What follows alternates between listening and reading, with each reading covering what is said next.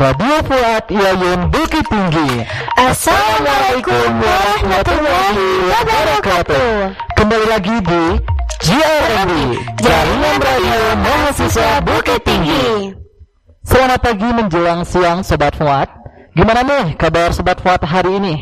Semoga sehat ya Sobat. Nah, bagi Sobat Fuad yang sedang beraktivitas di luar rumah, tetap patuhi protokol kesehatan dan jaga jarak ya Sobat. Walaupun masih dalam suasana pandemi, pokoknya Sobat tetap semangat ya. Semoga pandemi ini cepat berlalu. Amin. Oh iya, ini kali pertama kita bertemu ya di GRMB. Untuk itu perkenalkan saya Ashabul Yamin ditemani oleh saudari Fadila Rehan Putri. Kami merupakan mahasiswa Institut Agama Islam Negeri Bukit Tinggi, jurusan Komunikasi Penyiaran Islam. Nah, ke depannya, beberapa hari tertentu, Ashabi dan teman-teman lainnya akan menemani teman-teman di jaringan radio ini. Untuk itu, pantau terus dan jangan ketinggalan. Oke, di pagi menjelang siang yang cerah ini, kami bakal nemenin sobat pendengar selama 2 jam ke depan dengan tema yang akan bermanfaat nantinya bagi pendengar Radio Fuad ya. Nanti kami akan bacain beberapa kisah inspiratif yang menarik tentunya untuk sobat Fuad. Selain itu, Dila dan Asabul juga puterin lagu populer baik dalam maupun luar negeri yang bakal menghibur sobat Fuad pada siang ini. Nah, Sobat Fuad, jangan ke mana-mana dulu ya, karena setelah lagu yang satu ini, Ashabul dan Bila akan kembali pada sobat sekalian setelah mendengarkan lagu yang satu ini. Oh Allah, you're the light that shines above. You're the reason I never give up.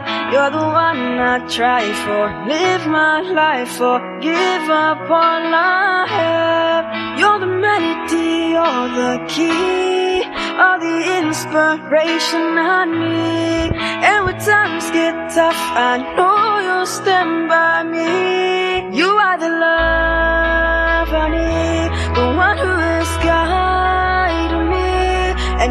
my destiny. For you are the light, and you are my life. Oh oh oh oh oh oh oh oh. Oh oh oh oh oh oh oh oh. Oh oh oh oh oh oh oh. Oh light up my heart. This connection I felt from. Never sight of my dreams. Without you, where would I be? And although I feel like I'm a million miles away from home, I can lose all that I have. And when I feel the pain, I know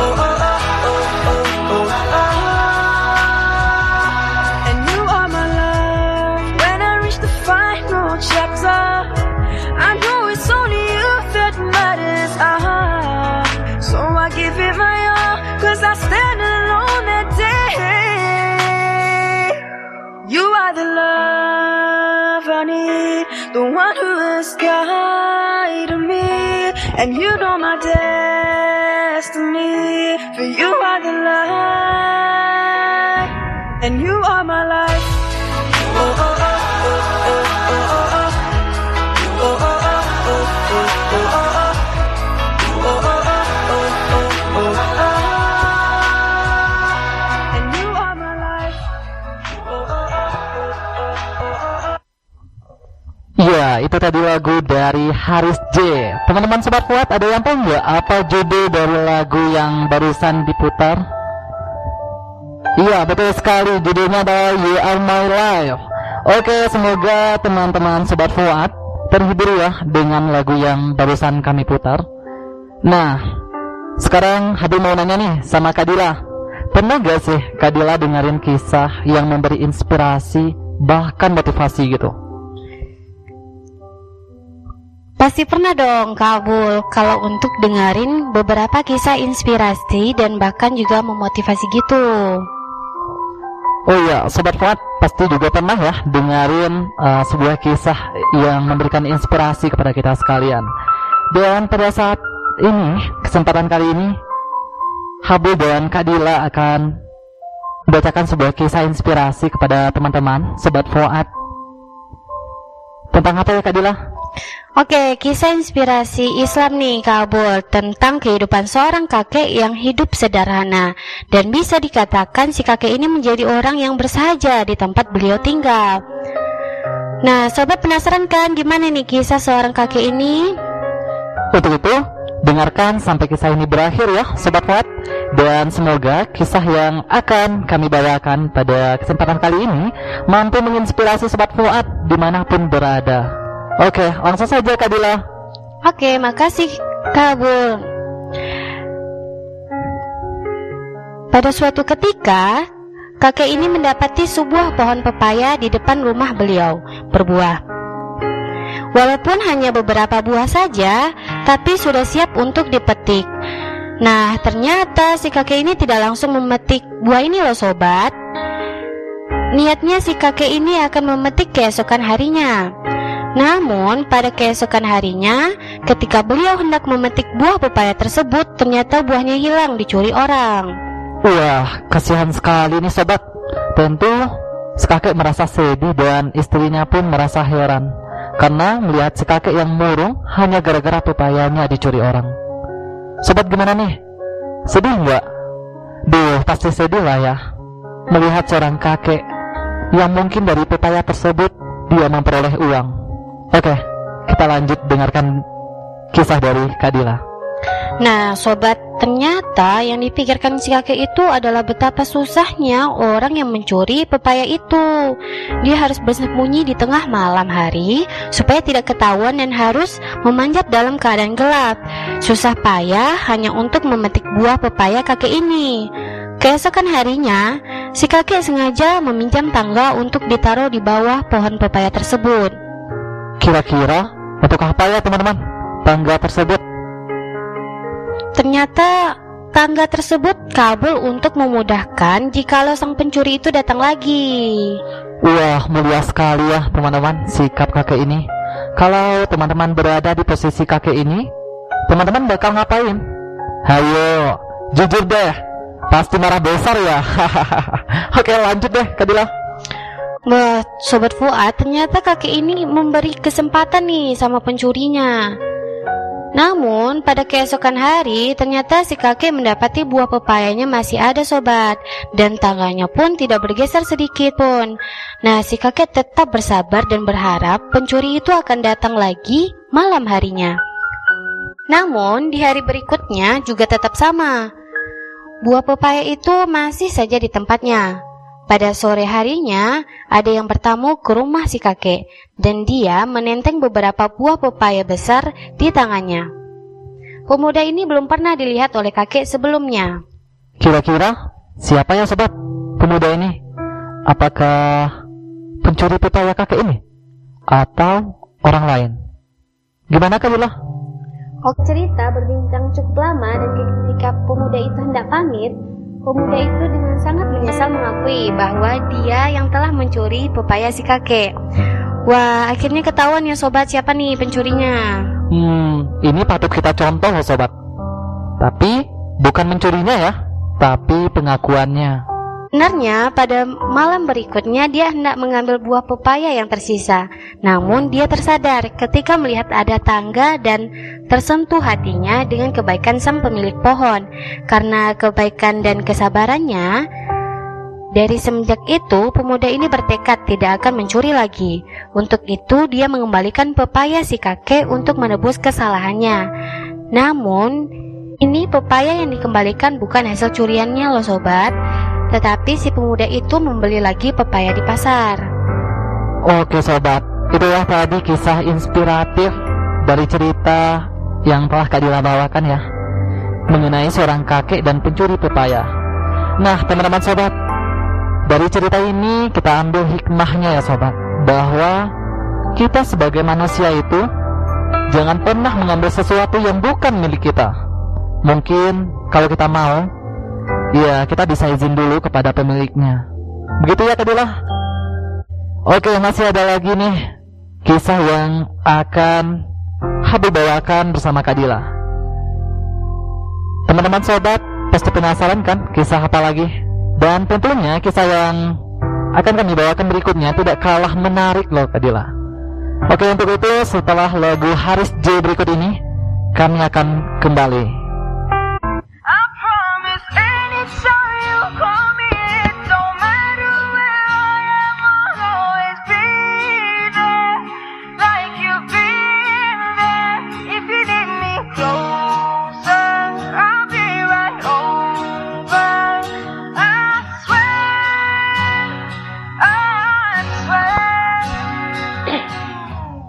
Every time that I need you by my side, every time I lose my way in life, you're my circle of life, compass and guide, there behind me. And one day when the tables finally turn, and it's me you're depending on, I'll put you first, hold you close,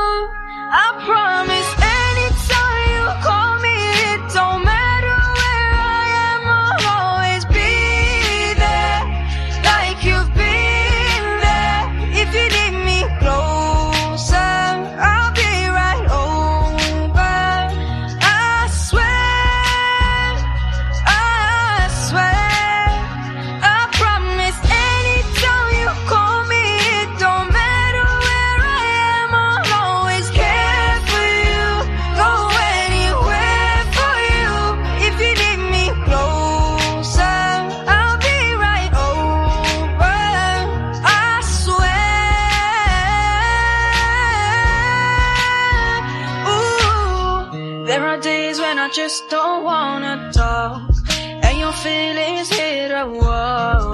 But that won't change the love you've raised inside this family. Everything that I do is to make you proud. I just wanna say it, say it loud. You're my heat when I'm cold, the place I go home, and always will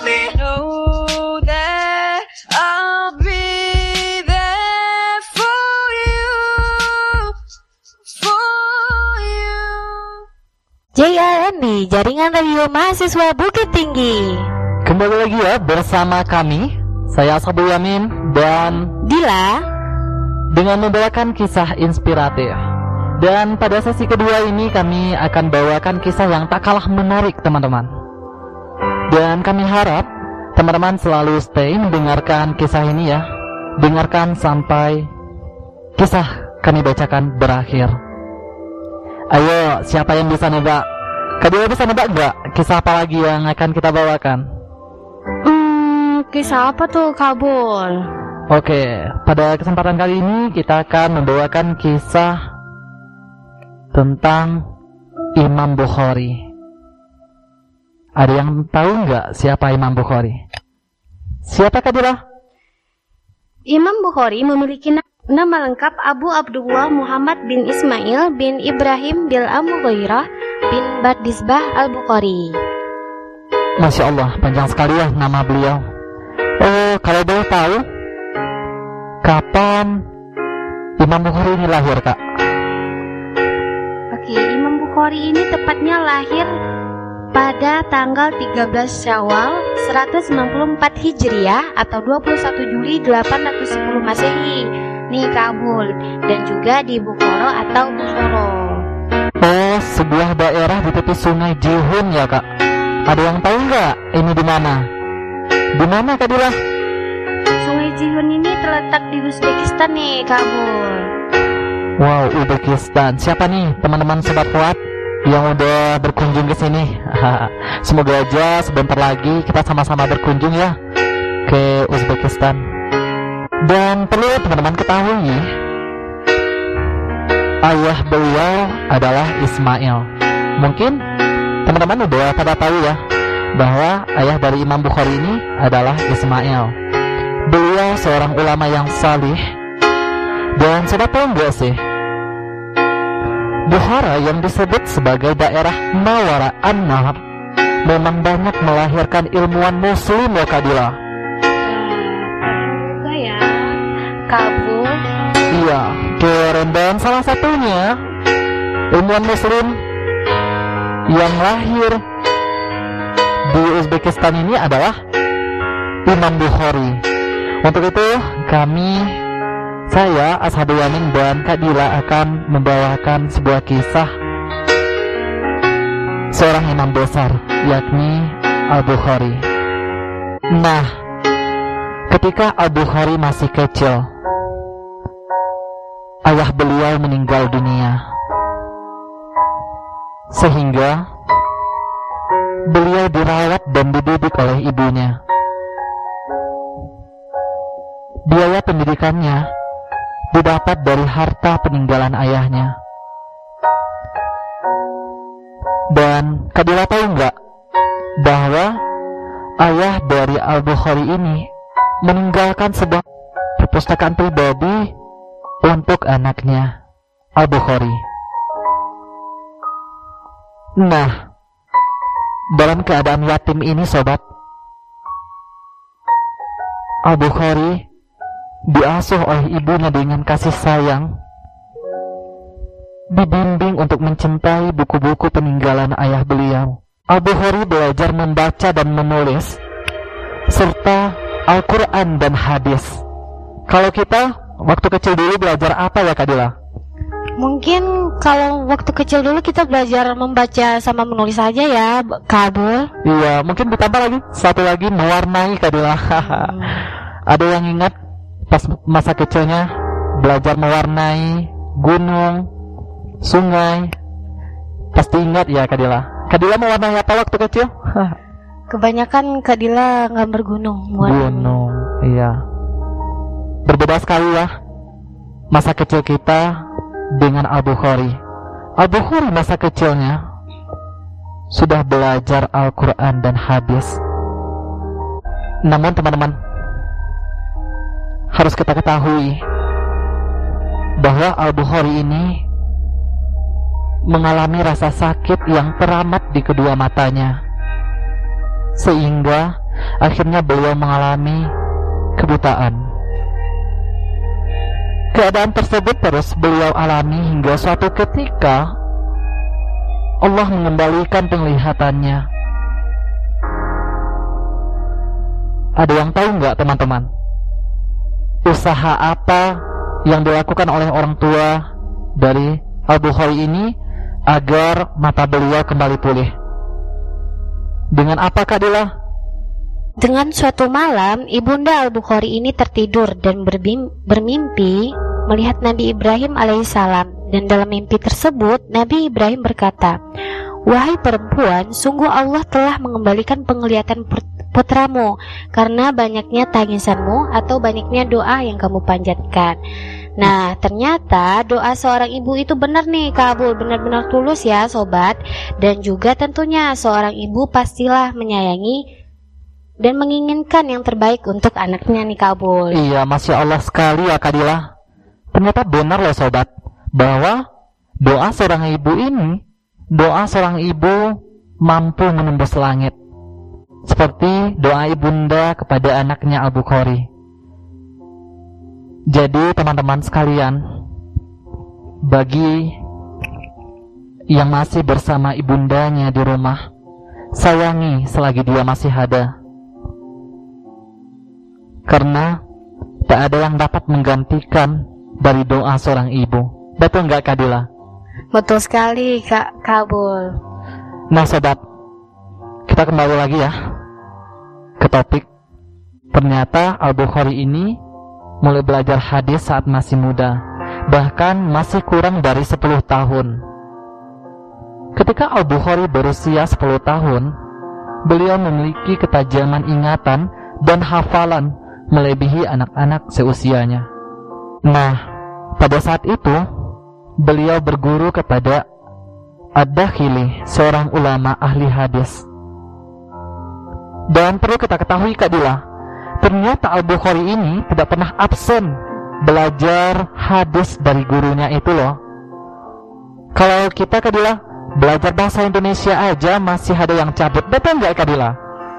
Betul Kak. Kawul, kebanyakan pada cabut semua ya kalau pelajaran bahasa Indonesia ya Iya, hanya belajar bahasa Indonesia masih suka cabut, gak malu sama Bukhari. Oke, begitu semangat ya Imam Al Bukhari ini menuntut ilmu, dan ini harus kita tiru sobat. Setahun kemudian, Al Bukhari mulai menghafal hadis Nabi Muhammad SAW, yang mana pada saat itu beliau sudah ditunjuk untuk mengoreksi beberapa kesalahan penghafalan matan maupun rawi loh Kak Dila. Wah, umur segitu aja udah bisa nih untuk mengoreksi hafalan hadis nih. Wow, Kawul, keren ya. keren sekali pastinya. Tidak sampai di situ ya sobat. Kegigihan Imam Al-Bukhari ini pada usia 16 tahun. Al-Bukhari sudah menghatamkan hafalan hadis-hadisnya. Di dalam kitab karangan Waki Al-Jarrah dan Ibnu Mubarak. Di sana dapat kita lihat bahwa Abu Bukhari ini sudah menghatamkan hadis-hadisnya pada usia 16 tahun. Kita usia 16 tahun ngapain aja ya Kak Dila? Mungkin ada yang hobinya keluyuran? Iya Kak Dila? Enggak lah ya. Kita harus sama-sama perbaiki diri, harus menjadi yang lebih baik, dan jadikan kisah ini sebagai kisah inspirasi di hidup kita, dan mampu mengikuti keteladanan dari Al-Bukhari. Masya Allah. Al-Bukhari ini terkenal sekali ya dengan kegigihannya dalam memburu sebuah hadis. Dan perlu kita ketahui bahwa Al-Bukhari ini ketika beliau mendengar sebuah hadis, beliau ini ingin sekali mendapat keterangan tentang hadis itu secara lengkap. Dan karena gigihnya nih sobat, beliau harus bertemu sendiri dengan orang yang meriwayatkan hadis tersebut. Ternyata tidak itu saja loh sobat. Dalam mengumpulkan hadis-hadis itu, Al-Bukhari ini melanglang buana ke daerah Syam, Mesir, Aljazair, Basra, hingga menetap di Mekah dan Madinah selama enam tahun, Kufah serta Baghdad. Kalau kita umur segini ke mana aja ya kak nuntut ilmunya? Mungkin kalau untuk umur segini kita nuntut ilmunya di sekitar Sumatera aja ya Kak Abul. Oh iya, kalau kita di IAIN ya kak, Iya. semoga saja besok-besok kita bisa nuntut ilmu ke negeri luar. Amin. Amin. Dan teman-teman, tidak jarang Al-Bukhari bolak-balik ke tempat tersebut karena mendapati keterangan baru atau hadis baru. Oke, setelah perjalanan panjang tersebut, akhirnya Imam Bukhari dapat mengumpulkan sedikitnya 6000 hadis loh Kadila. Kalau kita udah berapa hadis Kadila? Mungkin kita dikurangi nolnya. Oh iya. Iya, Kak, boleh. Kak. enam mungkin. Oh. Abu Bukhari ini telah mengumpulkan 600 ribu hadis. Nah, 600 ribu hadis, bukan 6 ribu ya, 600 ribu hadis. Dari angka tersebut, 300 ribu di antaranya dihafal loh teman-teman. Hadis-hadis ini dihafal dan terdiri atas 200 ribu hadis tidak sahih dan 100 ribu hadis sahih. Kalau kita udah berapa hadis kak? Tadi dikurangi nolnya ya kak Dila? Ya betul dikurangi nolnya ya Kak Abul 5 dikuranginya. Oh iya. Berarti kalau Al Bukhari bisa menghafal 200 ribu hadis, berarti kita dua hadis kak. Ya hadis. Hmm, kita ha- harus banyak belajar lagi ya teman-teman. Oke sobat. Itu kisah dari Imam Al-Bukhari. Dan apa sih yang dapat kita petik Kak? Kadilah dari kisah Al-Bukhari ini? Nah,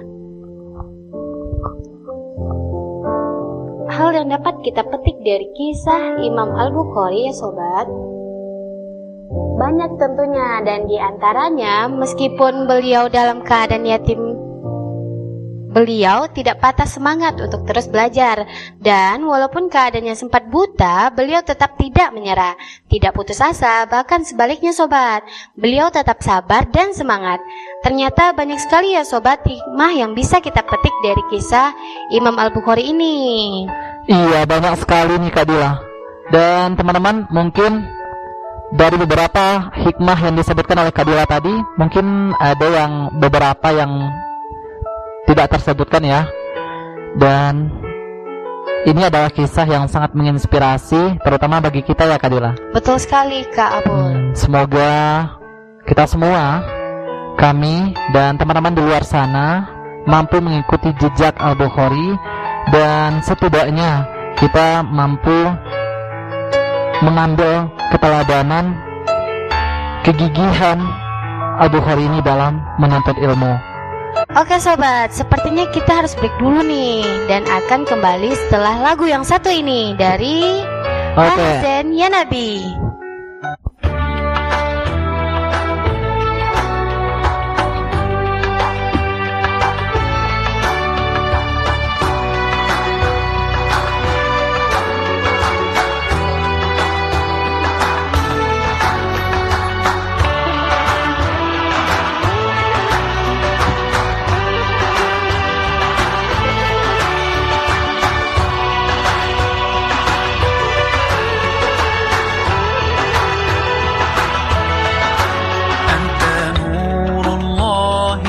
Ahsan Ya Nabi. العسر يسرا ربنا أعلاك قدرا يا إمام الأنبياء أنت في الوجدان حي أنت للعينين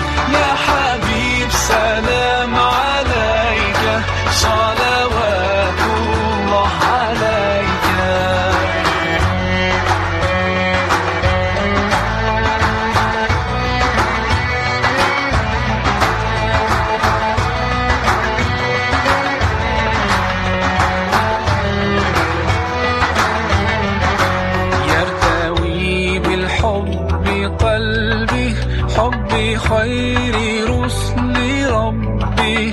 من به أبصرت دربي. يا شفيعي يا رسول الله أيها المختار فينا.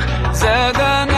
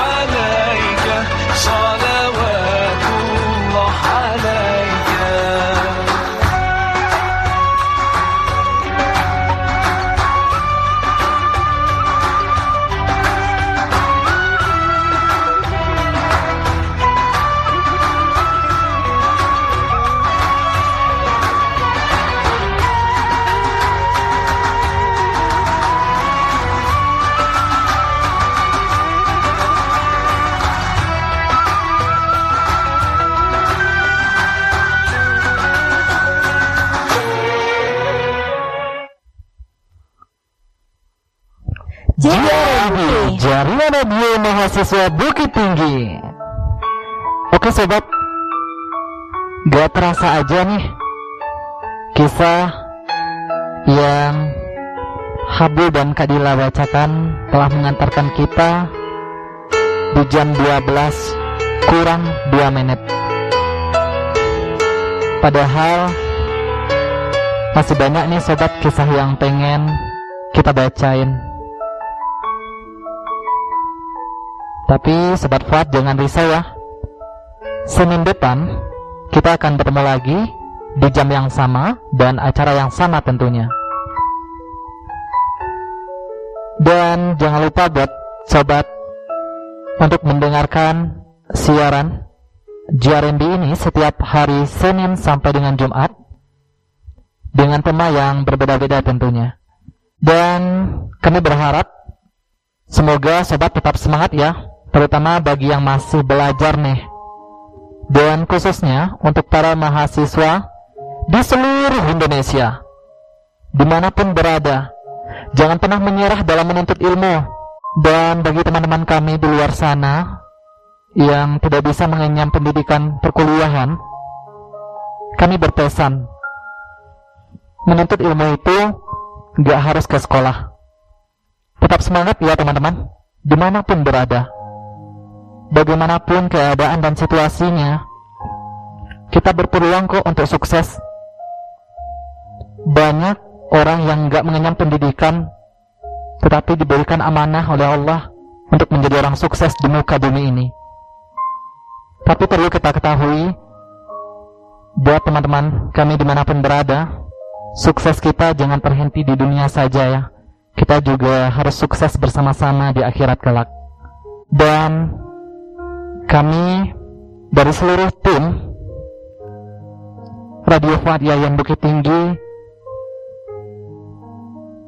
mengucapkan terima kasih bagi yang telah mendengarkan siaran kami ini dan ambil hikmahnya. Tetap semangat di mana pun kita berada dan tetap mematuhi protokol kesehatan dan jaga jarak tentunya. Oke sobat, sampai di sini dulu nih pertemuan kita hari ini. Semoga bermanfaat ya sobat Fuad. Habu dan Dila mohon maaf atas kesalahan dan kekurangan.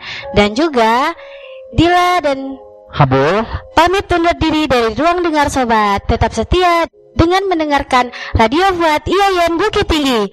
JRMB, Jaringan Radio Mahasiswa Bukit Tinggi. Selamat siang, sampai jumpa. Wassalamualaikum warahmatullahi wabarakatuh.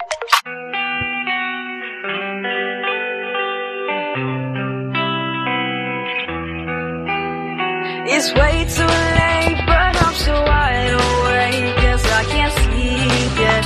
I can't sleep circle.